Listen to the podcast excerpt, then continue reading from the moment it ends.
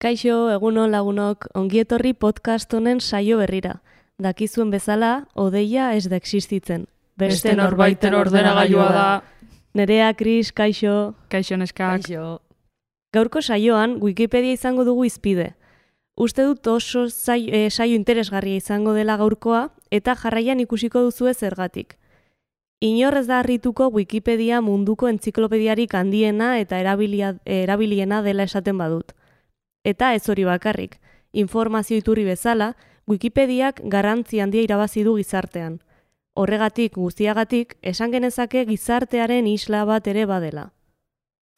Gaur mundu digitalean erronka esanguratsu bat islatzen duen gai bat ekarri dugu, bereziki munduko webgune erabienetako batean, Wikipedia. Genero arrakalaz ari naiz, entziklopedia aske honetan, emakumeen ordezkaritzari eragiteaz gain, genero desberdintasunak espazio digitalean nola errepikatzen diren ere agerian uzten duen gaiaz. Horretarako, gaur, Maria Jesus Irigoyen makerekin gaude, bigarren hezkuntzako esitzailea da eta esikidetzan eta hezkuntza digitalean aditua. Esitzaile bat sarean blogaren sortzailea da ere eta leioako taldeko wiki emakumeok proiektuko kidea. Kaixo make, zer moduz? Ongi, egunon. Egunon. Ez gara gehiago luzatuko, uste dut denok gaudela Wikipediaren eta genero arrakalaren gaien inguruan hitz egiten asteko irriketan, beraz, e, has gaitezen, baruan musika.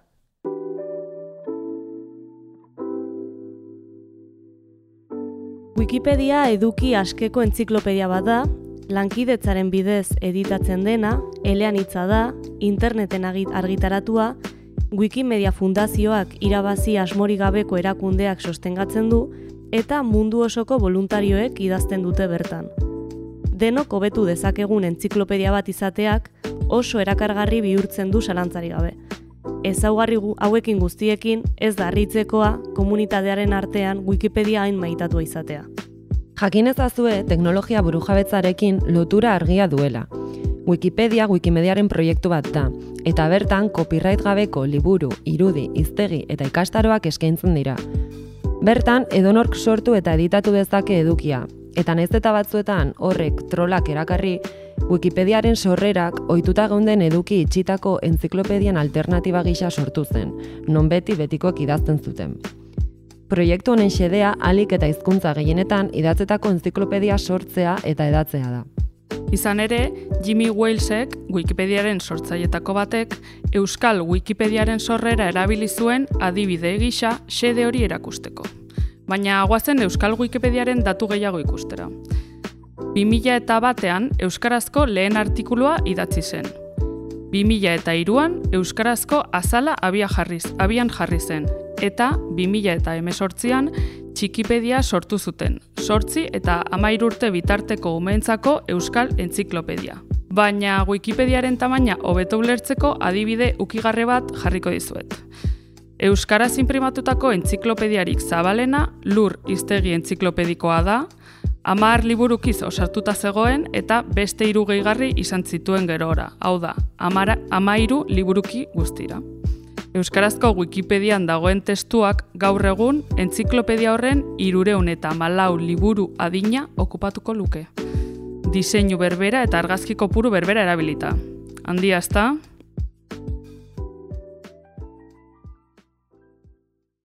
Honen arira make eta Wikipedia hizkuntzaren transmisiorako tresnagi ulertuta, zure ustez zein izan da Euskarazko Wikipedia sortzearen garrantzia? Garrantzia ezinbestekoan ere iduriz. Estrategikoa da, batez ere, gure hizkuntza hizkuntza gutxitua izanik, zaurgarria da, eta adituek esaten duten bezala, bereziki zaindu behar den zerbait da, digitalean erabiltzea. Adituek esaten dute, hizkuntza askok ezpadute benaunaldien arteko transmisiori bermatzen, digitala gaur egun bizierumu nagusia bihurtu den hori, batez ere gaztentzako, transmisioa ez bada ongi bermatzen, hor ez dutela erabiliko. Beraiek prestigio galera hori sumatuta, ez dute erabiliko, kompetentzia galduko dute, eta hor sartuko dira hizkuntza hegemoniko batzuk. Beraz, e, Euskarazko Wikipediak hor duen lekua, ezinbestekoa da, hor, esenatoki horretan, gertatzen ari delako gure ezagutzaren transmisio zati bat ere bai. Eta eskuntzari begira? Ezkuntzari begira zer esanik ez, ez? E, eszenatoki privilegiatua da, are gehiago gaur egun e, kurrikulum berriak eskatzen digunean kompetentzia garatzea. Kompetentzia da ezagutza garatzea, aplikatzeko eszenatoki ezberdinetan, eta gero transferi garritasun bat ere bermatzeko prozesu horretan. Ikasleak progresiboki Wikipedian murgiltzeak laguntzen digu e, nolabait eragile aktibo bezala, ulertzen zer den Wikipedia, kontsumo utzetik aratago joateko bideak uztartzea eta ikaslea badakigu erabili erabiltzen dutela, hor dago Wikipedia, ipatu duzen bezala, hor dago Wikipedia, duela aste pare bat ateratzen en pantailadosek eh, egin duen ikerketa bat adibiden artifiziala eta hezkuntzaren artean, eta hor aipatzen zen Wikipedia eta ikasleen, estatu mailan, eh? Ez ikasleen erdiek erabiltzen dute askotan. Ordan erabiltzaileak badira. E, e, urtarrilean, Euskarazko Wikipediak izan zituen hogei milioi bizita baino gehiago. E, azken amabila betetan, berreun milioi bizita. Osea, hor dago, hori hor dago, eta orduan, ikasleak Wikipedian editorei bezala murgiltzeak, bihurtzen ditu aktibo, eta lehen esan dugun bizi iraute prozesu horretan, behar dena da, komunitate aktibo bat, gauzak edukiak sortzen, e, aktibo komunikatzen, eta Wikipedia, horretarako estenatoki privilegiatua da. E, gure ikasle urtetan Wikipedia informazio iturri ez fidagarri gisa jotzen zen. Erreferentzia fidagarriagoak eta giaztatuagoak bilatzeko eskaten, e, eskatzen ziguten behar bada autoreak anonimoak zirelako. Hala ere, Wikipediak bilakara bat izan du eta gaur egun tresna baliotsu gisa dugu. Zer dela eta uste duztu izan duela percepzio aldaketa hori? Percepzio aldaketa hori, nik uste zenbat eta gehiago ezagutzen duzun, informazio gehiago, e, dimensionatzen duzu hobiki zer den. Hor, bazen, eta nik uste dut oraindik ere baden mesfidantza horrek baditu ertz edo iturri ezberdinak, ez? Adibidez, lehen aipatu dudan ikerketa horretan, ikusten zen ikasleak eta familiak e, oso hurbil daudela Wikipediatik, baino irakasleak aldiz ez. Mm Orduan, Datu esanguratxo bat adibidezen, e, irakas, e, e, familiek eta ikasleek erdiek erabiltzen dute asko eta konfiantza handia dute Wikipedian, eta irakasleen laurdenak bakarrik erabiltzen du, eta ez dute hainbeste konfiantzarik, ez? Eta gainera, e, adina sartzen badugu aldagai bezala, berregoi urtetik beitiko irakasleek haunitzez konfiantza gutxiago. Baina horiek aldi berean, Googleengan haunitzez gehiago. Bueno, hor bada, hausnarketa orokortzetik aratago egin behar diren beste hausnarketa batzuk, ez? Eta, bueno, pedagogia asko egin beharran ikuste dut, ez? Zer gertatu da, gero eta editore gehiago daudela, gehiago ezagutzen duzula, Wikipediak bera baduela protokolo bat hor edozein gauza argitaratzen du edozeinek, baino badirela aro batzuk, badirela gai, begirale batzuk, badirela nolabait kalidade prozesu batzuk bermatzen dutenak fidagarritasun hori, ez? Eta zenbat eta gehiago zautu hori, pues jendeak sinesten du gehiago hor dagoen informazio horretan. Mm Zer gertatzen da baita ere? Hau dela historian, lehenbiziko aldian, edozein personak, editatu dezakela, edozein personak, badu leku bat, garatu duen ezagutza hori, nonbait usteko beste eskura, beste batek osatzeko, hobetzeko, e, eraldatzeko, lehenbiziko aldia. Hori, zenbaitzen dako, izan daiteke, denen esku dagoen zerbaitek balio du gutxiago. Ez elite hoien eskuetan dagoena, eh? Inork ez du zalantzan jartzen lehenagoko entziklopedia hundi horiek, laruz bat edo salbat, nork egiten zuen, eta horre arrakala handiak zeuden, ez? Hor, elite horrek, e, legitimatutako elite horrek egiteak etzuen bermatzen ere horiek universalak zirenik. Mm Bueno, hor gauza asko sartzen dira koktel horretan, eta eran behar da beste gauza bat. Wikipedia badu beste erronka handi bat. Editore gehiago eta anitzago hurbiltzea editatzera. E, no, e, datuak hartzen baditugu, irureun tapiko hizkuntza daude momentu honetan Wikipedian. Asko dira, gutxi dira. Bueno, dimensionatzen du munduan momentu honetan zortzen mila hizkuntza dialekto baldin badaude, ez da horren bertze, ez? Ez. Gainera erakundek e, zerbait aipatzen badute, joera izango dela erdiak galduko direla mende bukaerarako. Gauza serioa da, ordan Wikipedia badu erronka bat hor, hizkuntza gehiago biltzeko. Eta gero, hizkuntza horietan editatzen ari diren nein kopurua zenbat izan daiteke? e, nolabait, labur bilduta esaten dute datuek, eun tamabi milioi lagunek editatu dute noizbait zerbait. Eta azken hilabetean, lau edo bos aldiz editatu dute irureu mila personek. Asko da, baina zortzi mila milioi balin bagaude, munduan, Vale, erdiek ez dute sarbiderik ere internetera. Hor dago sarbide arrakala. Mhm. Dimentsionatzen badugu hori, sekulakoa da Wikipedia egiten ari den bidea, baina sekulakoa da, gelditzen zaion bidea egitan, ez? E, gizakio garatu dugun bidea biltzeko eta universala izateko erronka on- oraindik ere luzea da, ez? Bueno, orduan hor kokatuko nuko nik pixka bat ari da bidea egiten, oraindik ere asko egiteko eta badira ere bai, bueno, mesfidantza hori nolabait ber, e, e, biguntzeko bideak ere jorratu beharrak. Mhm. Mhm. Esaten genuen Wikipedia munduko entziklopediarik handiena eta kontsultatuena dela, e, edozein motatako informazioa behar dugunean webgune honetara jotzen dugula, baino arazo badago. Bertatik jasotzen duguna oso mugatua dela. Zergatik? Ba, gizartea bezala Wikipedia genero berdintasunetik urrun dagoelako besteak beste. Gainontzeko esparruetan bezala, emakumei ikusgarritasuna ematen ez badiegu, bizanleriaren erdiaren potentziala galtzen dugu. Emakumeek munduko populazioaren erdia osatzen badute ere, Wikipediako biografien euneko txiki bat baino ez dute suposatzen. Wikipedia gizartearen isla dela ere esan, esan dugu. Arrazoi sozial, historiko eta ekonomikoen ondorioz, emakumeen inguruan gutxiago idatzi da, eta ondorioz emakumeon ekarpenei buruzko erreferentzia gutxiago ditugu. Erronketako bat beraz, Wikipediako emakumeen biografien kopurua handitzea da. Make, zeintzuk dira gaur egungo e, datuak. E, azken datuak behiratzen ibili naiz, eta okerrez banago 2008an emakumezkoen biografiak biografia guztien euneko hogeita sei inguruan zegoen.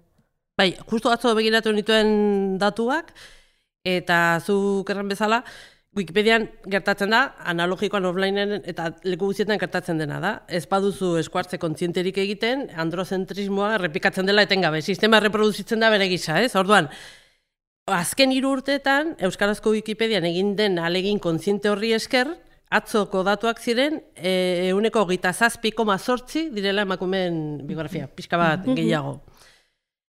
E, hiru urtez bikoiztu egin da bideo honean guaz, Hori badugu bidea egiteko. Globalean Wikipedia guztiek, ze nik hasieran e, e, editatzen hasi nintzen, uste nuen Wikipedia guztiak igualak zirela. Eta gero kontatu nintzen ez ez, e, badira hizkuntza ezberdinetan, eta hizkuntza ezberdin bakoitzak gauza batzuk berdinak izango ditu, baina beste gauz asko ez. Kasu honetan, Wikipedia guztien bataz bestekoa, kasu honetan genero arrakalari begira, da, datuak esaten du, euniko amazortzi koma zazpi direla emakume biografiak Wikipedia globalean. Guk e, Euskarazkoan, iaia amar puntu gehiago. Gaztelanezkoan adibidez, hogeita hiru gutxixago, frantsesan euneko hogei inguru. Mm, Bueno, hor gaude, e, bidea egiten ari gara, baina oraindik ere bada egiteke ez. Eta e, ondorio, arrakala honek dituen ondorioen artean, zeintzuk nabarmenduko zenituzke? E, ondorioak dira, e, aipatu dituzunak ez, infrarrepresentazio hori, e, infravalorazioa, e, emakumeek e, egin ditugun ekarpenak e, ikusezin bihurtzeak, injustizia sozial handi bat, eta gero ere, hezkuntzari begira ere, ereduak ez izatea, ze, e, ze oztopo handia den, ikasle bakoitzak libreki edo modu parikidean erabakiak hartzeko behizitzan zehar, ez? Ereduak izatea eta eredu horiek zenbat eta anitzagoak izatea gobe, berak nahi duen bidea hartu ahal izateko. Bai, erreferentzialtasun asken batean, ez? Bai. Hori da. Genero arrakalaren fenomenoa, genero joera gisa ezagutzen dena, edukian ez ezik edukia sortzen dutenengan ere islatzen da. Wikipediako editoreen euneko oso altu bat oraindik gizonezkoak dira, eta horrek zalantzari gabe zer historio eta historio horiek kontatzeko moduan eragiten du. Zein esango zenuke dela hain emakume editore gutxi e, egotearen arrazoia edo oztopo nagusia? Ikerketak egin izan direnean hainba- hainbat faktore erakusten dituzte. Nik e, gure artean ikusitako e, e, esperientzia ikusita, nabarmenduko nituzke hiru Bat, e, denbora libre eskasagoa dugula emakumeok, lanaldi bikoitza, irukoitza, hor, ez da gaurko gehiago, baina badakigu hor e, e, denbora libre gutxiago daukagula orokorrean, eta editatzeak eskatzen du denbora, Beste bat da, e, autokonfiantza bajuagoa izan dezakegula, azken finean erakutsi digute edo sinetxara zina izan digute, gure lekua ez dela foro publikoetan egitea, eta Wikipedia da gardena den e, plataforma publiko bat, e, erakutsi digute e, oholtza ez dela gure lekua, eta hor, momentu batean, izaten dira beldur gehiago, zalantza gehiago, eta impostoraren sindrome edo iruzurgilaren sindrome hori aktibatu daitekela. Eta orduan, zer zer dut nik ekartzeko Wikipediara, ez? Bueno, hori ere e, gainditu behar den zerbait da. Eta gero ere, batzutan, edozein eremu bezala, bai analogikon bai onlinean, ba, batzutan giroa bortitza dela eta bortitza esan nahi du, momentu batean Pokemon guztiek badute bere lekua Wikipedian, edo Simpson Darrell guztiek badute bere lekua, eta inolako arazorik, edo aktore pornoek badute bere lekua, baina zu joaten zara, emakume baten biografia egitera, eta ara eta non, ez da ipagarria. Eta horre, ez irekitzen dira, dena publikoa eta dena gardena, baina ez tabaida horiek ez dira erosoak izaten. Ordan, askotan, hori da beste faktore bat, ba, batzutan, jendea edo emakumeak urruntzeko, ez ez, da, ez da nire gustoko kontua. Bueno, orduan, guiki makumeok e, talde ezberdinek ematen dutena da, nolabaiteko e, leku gune, e, arnaz gune bat, e, bideo hori egiteko, momentu batean, bakardadean egin dezakizun bideo hori elkarrekin egiteko, e, estrategiak ere elkarren artean adosteko, Eta, bueno, batzutan ere, aitzakia, ba, arratsalde batez, elkartzen direnak sistematikoki ostiraletan lauetatik zeietara, bueno, aitzaki bai, jakiteko, hemen, tarte bat hartuko dut honetarako, eta denbora emango diot honi, ez? Bueno, faktorio horiek gainditzeko, da wikimakumeok e, talde ezberdinek egiten duten apostu bat, ez? E, erasoen aurrean e, erantzun kolektiboa denen artean, online offline pixka bat kombinazio horretan elkarri zaindu eta bidea egiten lagundu. Batez ere hasieran. Bueno, orduan mak ez duke epatzen dezun betzela, badirudi Wikipediako komunitatea kontziente dela arazo honetaz eta neurriak hartzen ari direla.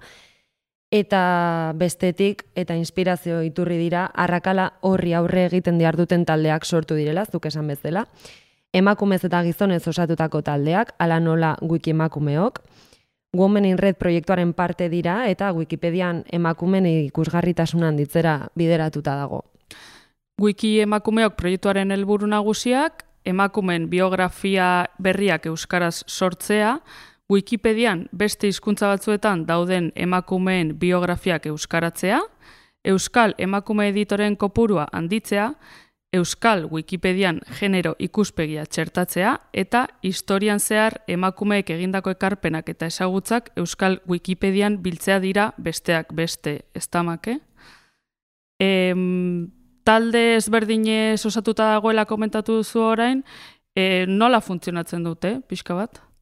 Berez, aipatu dituzun gai horiek dira aterki nagusia. Mhm. Horren azpian, biltzen gara, anemenka, e, taldeak edo persona solteak. Eta orduan, e, nola funtzionatzen dugu? Hor, Wikipedian bada horri bat, horri alde bat, e, aktiboak dauden taldeek, e, esaten, elkartuko gara, ez dakit zein egunetan, eta ez dakit non.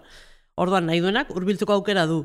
Berez, talde edo korapilo edo nodo autonomoak gara, horra joateak ez du inolako kompromisorik eskatzen, bakarrik, helburu e, partekatu hori izatea, ez?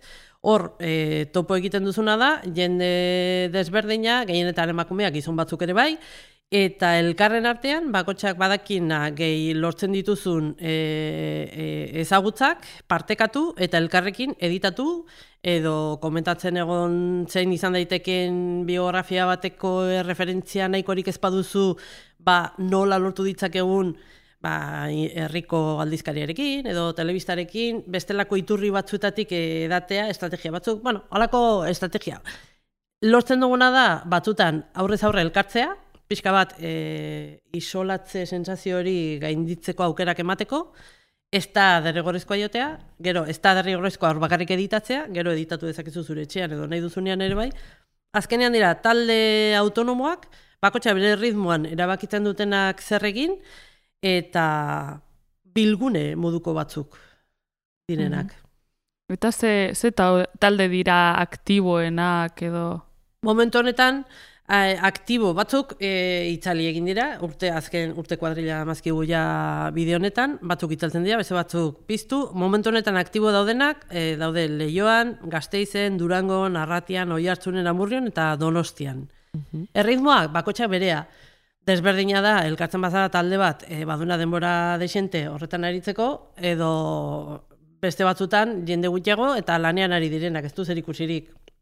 Batzutan zenbakiak oso, ez, deigarriak izaten dira, eta dira, ez, ituak edo lorpenak, bueno, e, nik esaten duena, garantzitsuena ez da zenbakia, ez gara sartuko leia horretan, ez, garantzitsuena da, hor dagoen jende guztiak erabaki duela e, kontzienteki bere denbora liberaren e, tarte bat eskaintzea genero arrakala Wikipedian e, jeisteari, ez? Eta hori garrantzitsua da. Eta erabaki du neurri batean kontziente garelako ze garrantzitsua den garenetik hitz egitea, beste batzu guri buruz hitz egin baino, kontziente garelako e, adituak esaten dutena, ez? Agentzia digitalak ze ekarpen handiak egiten dizkigun, eta agentzia digitala da kontziente edo inkontzienteki, edo bakarka edo kolektiboan, ze eraldatzeko gaitasuna dugun e, inguru soziokulturalean, ez? Eta Wikipediak hor badu oi hartzuna handia, eta da aktivismoa egiteko modu bat. Orduan, hori da talde honek duen indarra, librea, e, ez dizu eskatzen konpromisorik, bai lan egita eta indarra biltzea e, helburu horrei begira, ez? Genero arrakala gutxitzea Wikipedian. Hori izango litzateke orduan, ba, e, zue, zuei mugitzen zaituzten, ez? E, indarra egitasmo honetan parte hartzeko, ez? Hori da. Batez ere, e, nolabait, honintzen betiek esaten zuena ez, Euskarak balio behar digu gure mundu ikuskera transmititzeko. Eta adibidez, e, adibide txiki batez, talo, talo artikuluak, bederatzi hizkuntzan dago. Begiratzen baduzu, hizkuntza batetik besterako diferentzia, beti da talo konzeptua, kontatzeko modua beste bat da. Bueno, hori da e, gure autua, ez? Euskaraz editatzeak ematen digu aukera, garenetik, gure mundu ikuskera, gu garena, gu izan garena, eta izan direlako gara, eta garelako izango dira. Pixka bat begizta hori elikatzeko. Hor- Hori da gure ardura edo aktivismo edo autua. 2008ko azaroan Wikimakumeok dokumentala zinebi jaialdean aurkeztu zenuten, eta urrian okerezmanago Durangoko azokan ere proiektatu zen. Guk, e, bueno, gaurko podcasta prestatzeko dokumentala ikusi genuen. Bide batez, dokumentala ikusi ez duenarentzat, e, YouTubeen dago ikusgai. E, dokumentalean proiektua osatzen duten Euskal Herriko talde desberdinetako partaidak agertzen dira. Eta neri pertsonalki asko harritu ninduen mundu digitalarekin hain lotuta dagoen proiektu batean, teknologiarekin hasi ez diren hainbeste emakume ikustea. Em, zuek oztopo bezala sentitu dezue hori, edo nola bizi dezue taldean, badakigu formakuntza saioak ere antolatzen dituzuela agian horri aurre egiteko, Bai, e, naiz eta talde autonomoak izan, berez, e, lan, e, taldekideen artean, badira, batzuk Wikimedia Espainiako kide direnak, bazkide direnak, beste batzuk Euskal Wikilari Kultur Elkartekoenak. Orduan, egia da, lankidetzan ari garela etengabe. Elkarri nolabait e, batzuk besten helburuak e, elikatzen. Orduan, egia da, handik eta hemendik jasotzen diren e, sinergiak garrantzitsua direla bidea egiteko. Ze, esan bezala, e, urbiltzea mundu honetara, hasiera batean da arrotza den mundu bat, behar duzu bidea goxatu, eta go, goxatze horretan galdu gabe zer nahi duzun.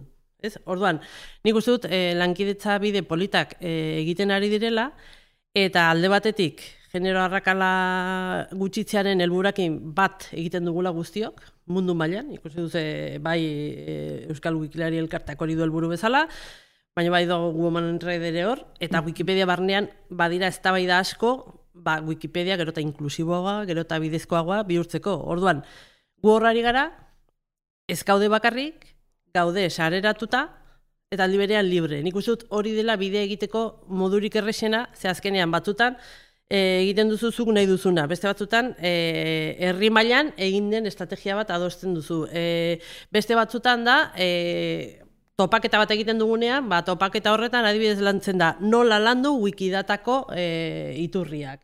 Ze, hori da beste gauza bat, ez? Wikipedia da, Wikimedia Fundazioa den adartxo bat. Badira, hori bezalako beste adartxo interesgarri asko. Eta orduan, Wikipedia batean emakume bat biztaratzeko orduan, behar dituzu berari buruzko datuak ere bai, datuak eh, erakusteko modu egoki bat ere bada wikidatan.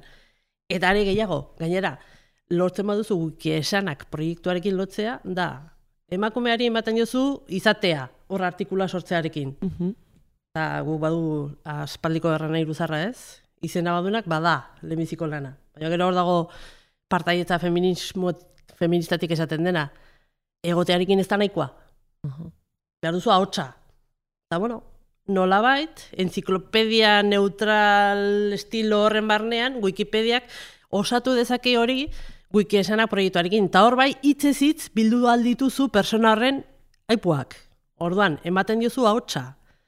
Ezagutzea eta lankidetzan laguntza eta e, formazio hori jasotzeak laguntzen dizu helburua hobetzen eta aberasten. Eta orduan, baduzu, izena eman diozun bat, hitza eman diozun beste bat, datu batzu berari buruz, eta hori dena dago hor, hobetzeko edo nahi dunaren esku, ez? Orduan, bidea hasiera batean ez da erresa, ez oso inguru berria izan daitekelako, baino lankidetzan sinergia horiek biltzean erresago egiten da eta emaitza hortxe ikusten da beralaxe, ez? Hori da horrek duen indarra.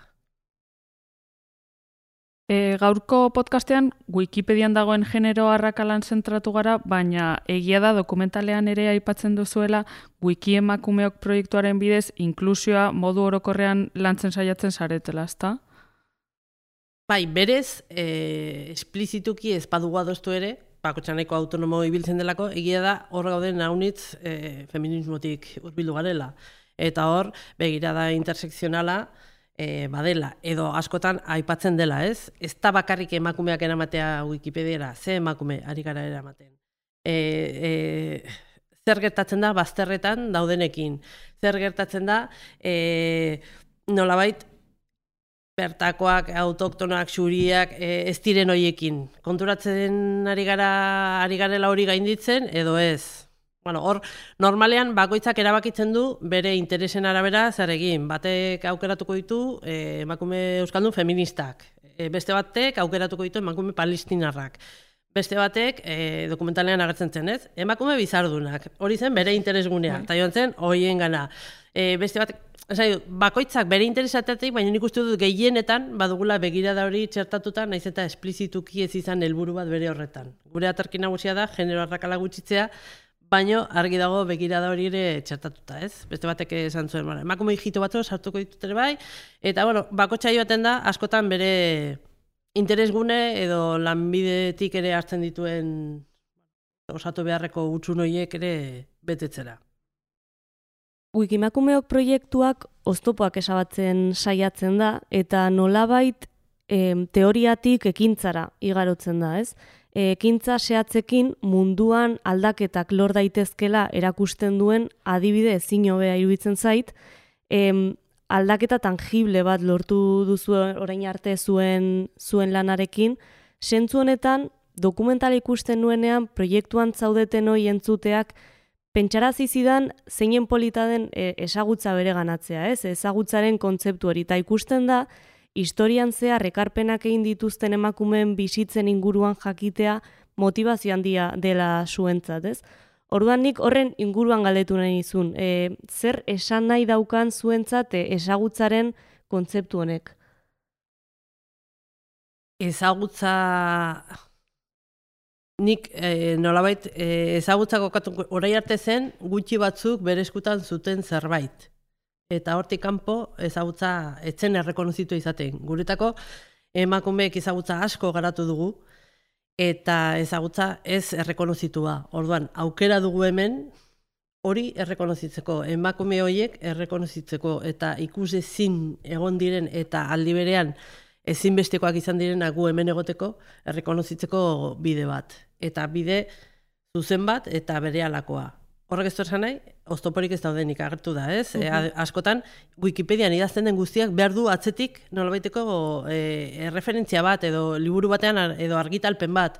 Hor daude oztopoak gaur egun, badakigu emakumeiek egin zutara, baina ez du e, iturri fidagarririk hor kokatzeko eta hor behar ditugu beste bide batzuk jorratu eta horre lankidetza, ez? Behar ditugu ikerke, ikerlariak horretan jartzea, behar ditugu argiltapelnak, behar ditugu podcastak, behar ditugu e, denetarik nolabait hoiek emango digutelako gero guri aukera Wikipedia emateko behar diren protokoloa bermatuz. Orduan, bide polita da, baditu bere trabak, baino bere alako emaitza erakusten dutena. Guretako da, nolabait errekonozimenduaren bide horretan, ba, memoria, aitortza, eta ezagutza ez legitimatu hoien ezagutza bide bat. Mm Nire orain beste gai bat datorkit burura, adimen artifiziala eta gaur egun hain presente dugun txat GPTek informazioa internetetik hartzen dute. Euskerazko bertsioak garatzen ari dira dagoeneko beraz, zuen proiektuak horrere ekarpena egin dezake alde batetik euskeraz eta gainera genero ikuspegi batetik sortutako idukia haien eskura jarriz. Hala ere, uste duzu teknologia berri hauek zuen proiektuan eragin dezakela? Momentuz ez gara horri begira lanean ari. Uh Gaia hor dago bueltaka, baina leku guzietan dagoen bezal bezala ez?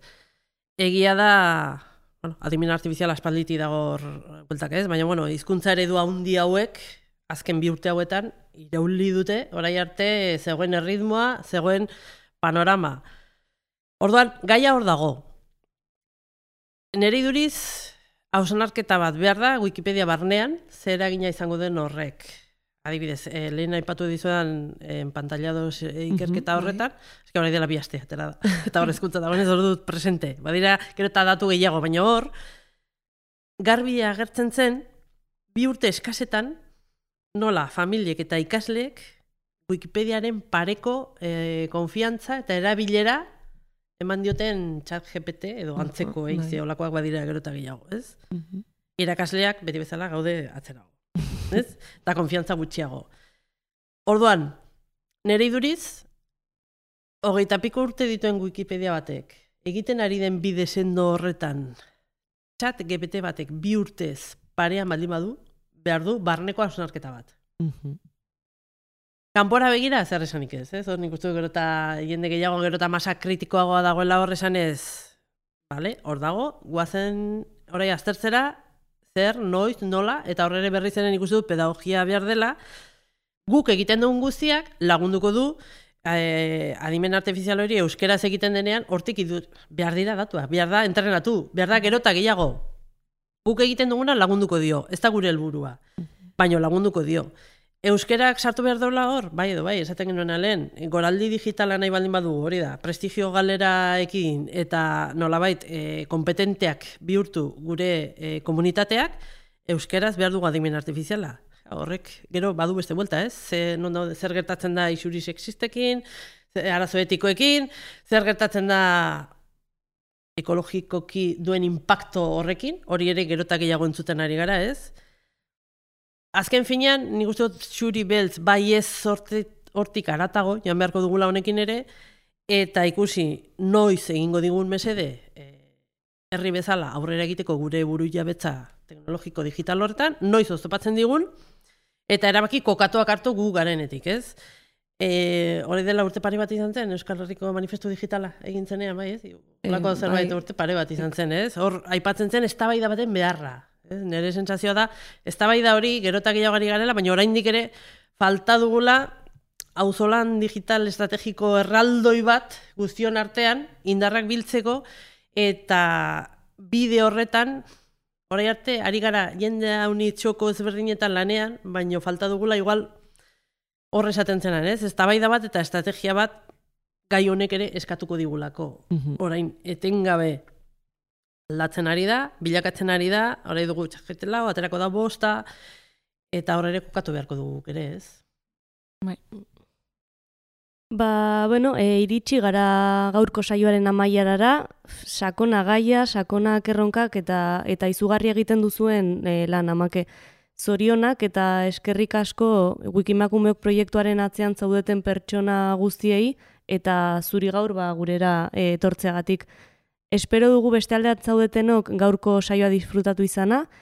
E, ekimen hauen zabalkundea denon artean lortzen dugu, beraz interesekoa izan dezaken norbaitekin partekatzera animatzen zaituztegu, eta make e, azken galdera bat.